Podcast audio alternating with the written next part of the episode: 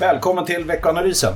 Vi har återigen en spännande vecka framför oss och eh, Marcus Tengvall med oss, Mattias Gitzelt, självklart som vanligt här också.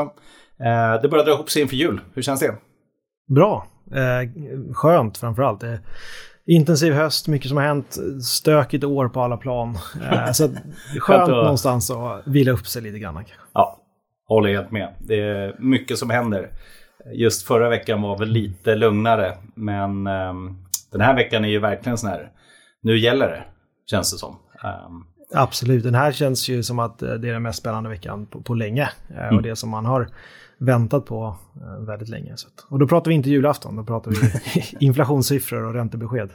Det är precis amerikansk inflation och sen kommer ju både Fed och ECB. Vi kommer prata om det alldeles snart lite mer. Men eh, om vi ändå bara tittar kort på föregående vecka så hade vi ju framförallt positiva nyheter om Kina. Vi pratade ju lite Kina förra veckan. Eh, vad var det som hände där under veckan?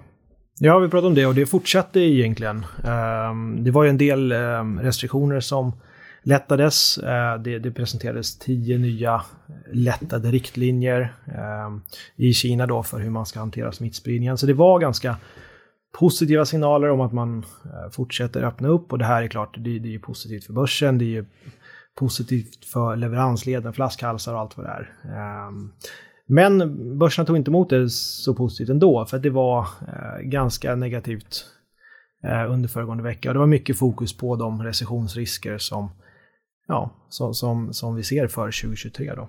Mm. Och där kan man väl säga, alltså dels ser man det i marknaden. Aktiemarknaden steg inte någon vidare, räntor eh, ser man det på, oljepriset föll. Bräntoljan då den kvaliteten handlas under 80 dollar per fat. Det trodde man inte för några månader sedan bara. Att man skulle se, så det är faktiskt lägsta nivån sedan årsskiftet.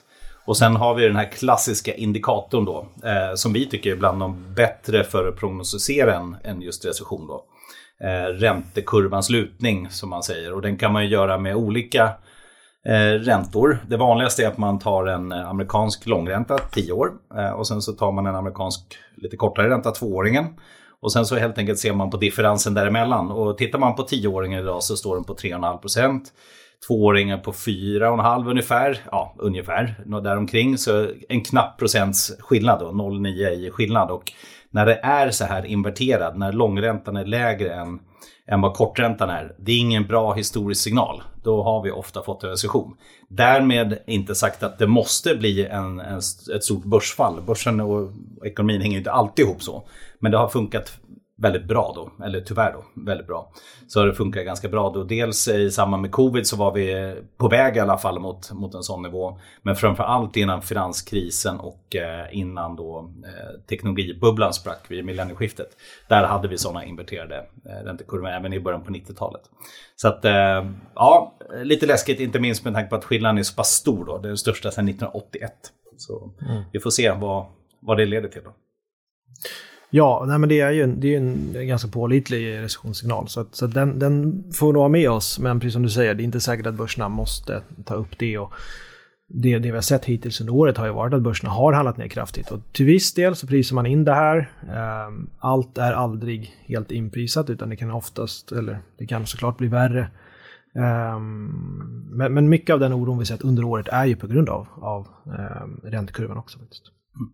Och så fick vi lite mikrosignaler också förra veckan.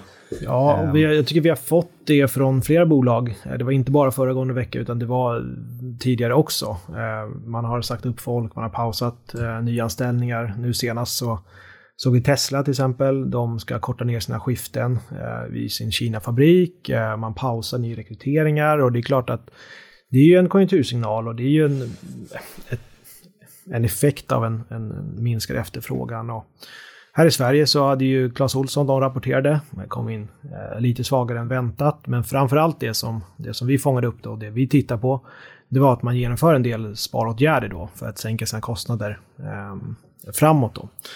Um, så att på både makro och mikronivå så syns det nu och jag tycker att det börjar ehm, eh, kännas lite sakta framåt.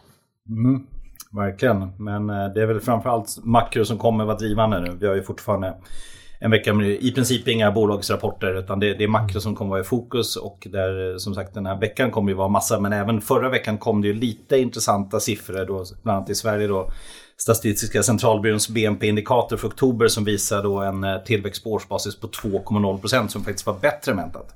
Så det är lite kul att vi också får in data som faktiskt visar okej, okay, även om det är som sagt för oktober. Så att eh, det börjar ju också gå lite i tid. Man vill ju gärna ha mer, mer framåtblickande indikatorer.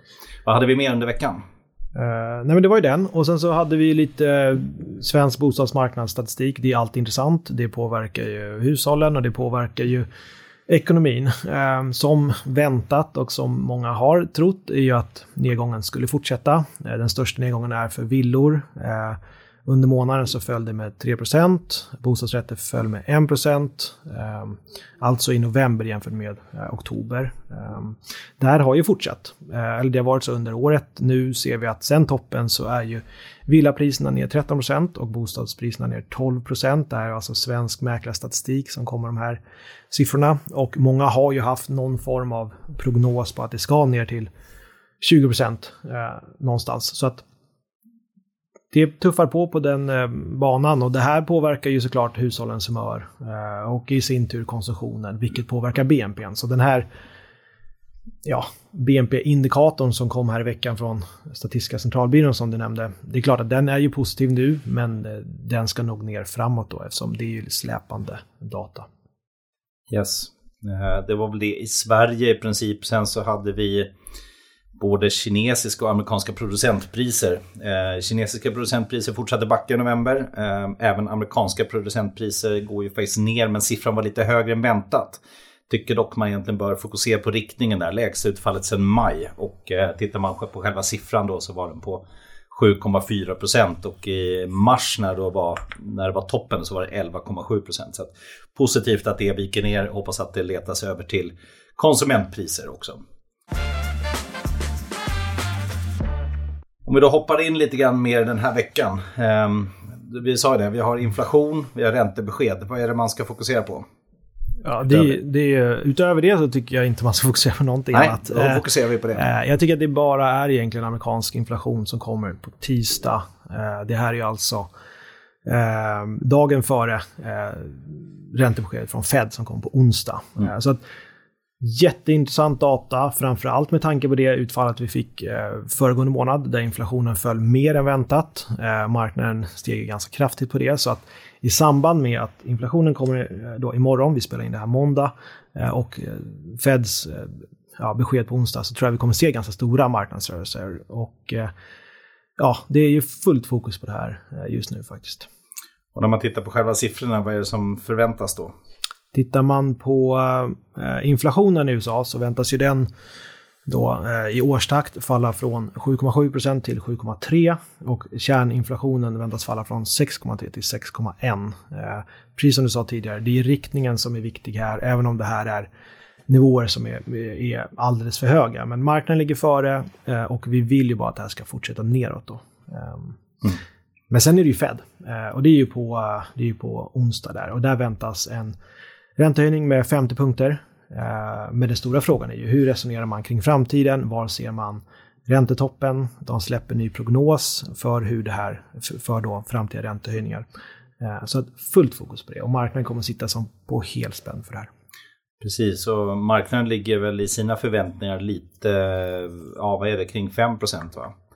Så är det. Så är det. Och eh, Fed, ja får vi se, men det finns väl en risk att man lyfter den där över, att den kan landas över 5% Men eh, ja, återstår att se. Ja. Eh, hur som helst, en slags topp inom nära framtid och jag tror att att riktigt prata om en trendvändning, det, det kommer vi förhoppningsvis se under Q1, Q2 då. Att vi faktiskt kan få se lägre räntor, lägre korträntor då. Och eh, därmed också kanske mer stöd till aktiemarknaden från den sidan. Ja, och, och tittar man som du säger, marknaden prisar in, eh, har en aggressiv prissättning där och, mm. och räknar med första räntehöjningar redan under nästa år. Mm. Eh, det här är inget som Fed själva kommunicerat, men eh, vi får se helt enkelt vad de säger nu på onsdag. Exakt. Och sen har vi då ECB också, eh, kommer ju på torsdag och där eh, borde det verkligen bli 50 punkter eh, som kommer då. Eh, där ligger man ju lite lägre fortsatt, inte riktigt eh, i kapp. Amerikanska centralbanken brukar också ligga lite före, men sen så är det inte så konstigt också med den otroligt starka arbetsmarknaden och sån hög inflation som man haft, att man har agerat kraftfullt. Får se hur mycket ECB levererar. Eh, slutligen i veckan har vi då svensk inflation också. Eh, och eh, vad har vi förväntat där? Ja, det är inte riktigt samma situation som i USA. Eh, I USA har vi sett toppen och eh, vi bara taktar neråt egentligen. Men men även för Sverige då så får vi inflation i veckan, det är på onsdag. Eh, där väntas ju de högre elpriserna här i november fått genomslag. Så att inflationen väntas ju studsa upp till 9,6% efter nedgången då till 9,3% i oktober. Och då, då pratar vi alltså KPIF, alltså inflation med fast ränta. Mm. Eh, så att toppen ser ut att, att knuffas lite framåt då. Och det är något vi gärna skulle se att det vänder även i Sverige eftersom vi ser det i USA. Eh, om vi då tittar lite grann på, eh, jag tänker på du har gjort en sån här ganska schysst sån här sammanställning, hur, vad som händer på börsen om, man, om det går ner 30% till exempel. Då har vi ju liksom tittat så här historiskt, hur har det sett ut om man tittar på tidigare sådana stora nedgångar och då brukar det landa i att det går ju faktiskt upp både på så här tre månaders sikt, ett års sikt, fem års sikt och så vidare. Eh, den stora frågan är ju så vad händer egentligen i en recession? Eh, och vad bygger ett sånt eventuellt fortsatt fall på? Eh, för det är ju lite så här, även om det liksom i den där sammanställningen när det faller 30% så att det ser ut att vara upp efter ett tag så brukar det också vara en tid kvar tills man eh, tills den första botten kommer, liksom, den riktiga botten. Och framförallt när det är recessioner så kan det ju bli mer. Och då, då är det väl inte helt orimligt att anta att det kan falla så mycket som kanske 20% till från den här nivån för att matcha liksom, de historiskt stora nedgångarna. Mm. Det som är lite intressant är ju då självklart också, för man brukar säga att aktiemarknaden är före och så vidare det är att det handlar väldigt mycket om det vi kallar för multipel kontraktion. Alltså värderingar går ned. Eh, och då eh, Eh, är det inte nödvändigtvis vinsterna som faller så mycket. De kanske historiskt faller 10-15% eh, under en recession. Men P talen eh, faller mycket mer. Så i USA så kanske vi ska, om vi har ett historiskt 5 eller 10 årssnitt kring säg 16 så kanske de ska ner till 13 för att det ska vara riktigt billigt då. Eh, säg inte att det behöver vara så varje gång men det är liksom det behöver inte vara ett extremt kraftigt vinstfall ibland utan marknaden ska ta ut rätt mycket när man väl förstår att det är en recession på gång. Och när den väl är där, då är vi nog förmodligen igenom det värsta på aktiemarknaden. Så eh, sen kan analytiker fortsatt ta ner sina vinstprognoser. Det brukar man ofta göra efter att allt har bottnat. För man ligger lite sent då. Så håll koll liksom lite grann på, för vinstprognostrenden är ju ner. Eh, och det ska den fortsätta vara oavsett scenario. Men det viktiga är, blir det en recession eller inte? För då finns det nog lite nedsida på, på börsen. Håller du med? Eh, nej men jag köper det. Eh, och, och, det har ju varit så eh, när man tittar bakåt. Och man kan ju välja eh, nu senast bara när vi tittar på pandemin till exempel. Då skulle vinsten ner 20%. Det var ju tvärstopp och alla sänkte sina estimat kraftigt. Och sen så Sen blir det inte riktigt så allvarligt som man trodde, utan det landar någonstans minus 12 procent. Och det ligger väl där någonstans i historiskt snitt. Och vi alla minns ju hur börsen utvecklades under den perioden. Så börsen är alltid mm. eh, före eh, analytikerna. Eh, och det ska man nog ändå komma, med, komma ihåg och ta med sig. Verkligen. Ja, det är svårt. Eh, det är många i branschen brukar ju säga det, det är svårare än någonsin. Eh, kan inte hålla med om det, för då skulle det varit sjukt svårt under alla mina drygt 20 år i branschen. Mm. Men en sak är ju säker, det är ju, dels så känns det ju som att vi kommer ur en period med extrema räntor och extrema stimulanser. Vi ska nog inte tillbaka nödvändigtvis till samma liksom, nollränteläge och de stimulanserna.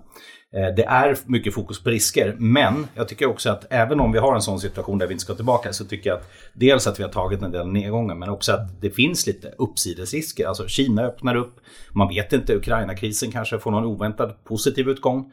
Eh, det är svårt att säga, men eh, just nu så tycker jag att man har prisat in en ja, men ordentlig mjuklandning i ekonomin och det kan självklart bli värre men behöver inte bli det. Det är, liksom, det är min känsla i alla fall. Mm. Så. Uh, ja, nej men det finns mycket som man kan... Det är jättelätt att måla upp ett väldigt mörkt och negativt scenario. Det gäller att leta och vara lite positiv någonstans och försöka gå. Uh, och inte bara göra det som hela uh, kollektivet gör. Men spännande, du sa ju där, ja men jag har varit med länge, jag har varit med mina 20 år här. Då tänker jag, då är det ju väl på sin plats eh, att vi testar det lite då. Hur, hur har det faktiskt, hur bra koll har du egentligen då, om du har varit med så länge? Nu får jag ta uh, Nej, men jag tittade ju här, bara snubblade över The Economist. De har, gjort en, en, de har tagit fram en lista som de kallar då, eh, tre år av kaos. Eh, vad har mm. gått bäst? Vad har gått sämst? Och det här är ju en period där vi har gått från covid-nedstängningar, vi har gått till återöppnande, vi har haft inflationsproblem, logistikproblem och recessionsrisker.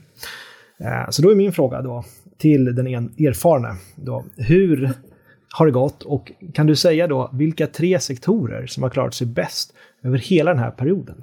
Från början 20? Eller slutet 19 alltså? Ja, exakt. Okay. Precis före pandemin slog till egentligen. Ja. Jag har ju inte läst Economist den här gången, så jag, jag, vet ju faktiskt inte svaret. Men om vi bara gissar då. Man vill ju tro energi för att det är så bra i år. Men man vet ju också att IT har gått galet bra under något år. Um, samtidigt finns det ju sektorer som, ja, jag börjar svamla, jag känner redan. Uh, det finns ju sektorer som klarar sig bra oavsett klimat, typ hälsovård, samtidigt som till exempel bank borde ha varit, ja, jag, jag drar till med bank som ena sektor för att räntorna är upp under tiden. Jag drar till med IT uh, och uh, det får bli energi. Du är ju väldigt nära ändå. Mm -hmm. Vi ska ju direkt säga att det är energi. Um, energi uh, har gått jättestarkt. Det är den, bäst, uh, den bästa sektorn. Uh, även om det var jättedåliga år under pandemin så var det så pass starkt nu i år då, så det är bara upp. Så att, där har du rätt. Mm. IT, absolut. Klarade ju den här hemmatrenden bra. men sen har vi hälsovård som har egentligen ja, defensivt under de här åren och sen så var det ju moderna och den typen av bolag under pandemin då som, som klarade sig bra. Ehm, så bank var det inte. Eh, utan det var IT, hälsovård och energi. Men jag tycker ändå... Eh, du visar ändå det att det var ett medtag. Ja, det är härligt ändå. Det är svårt alltså, för det har ju varit både ner, upp, ner. Liksom. Ja, och det är därför så. jag tycker det är intressant, för det har varit väldigt olika typer av marknader. Så det här är ändå, det är klart man kan kolla tre, tre års historiken enkelt och se vad det har varit. Men det här visar ändå någonting. Vilka typer av sektorer klarar olika miljöer bäst? Men du, då är det ju perfekt det här. Nu ska vi avsluta vår tid är slut. Men till nästa gång, som är sista för i år, då eh, kan du räkna med att eh, jag vill veta de närmaste tre åren eh, vilka som kommer gå bäst. Och eftersom jag är lite snäll så säger jag redan nu att du kan förbereda dig. Vad säger du om det? Nej, perfekt. Ja. Härligt. Vi tackar för oss den här gången och eh, hörs nästa vecka igen. Ha det så bra.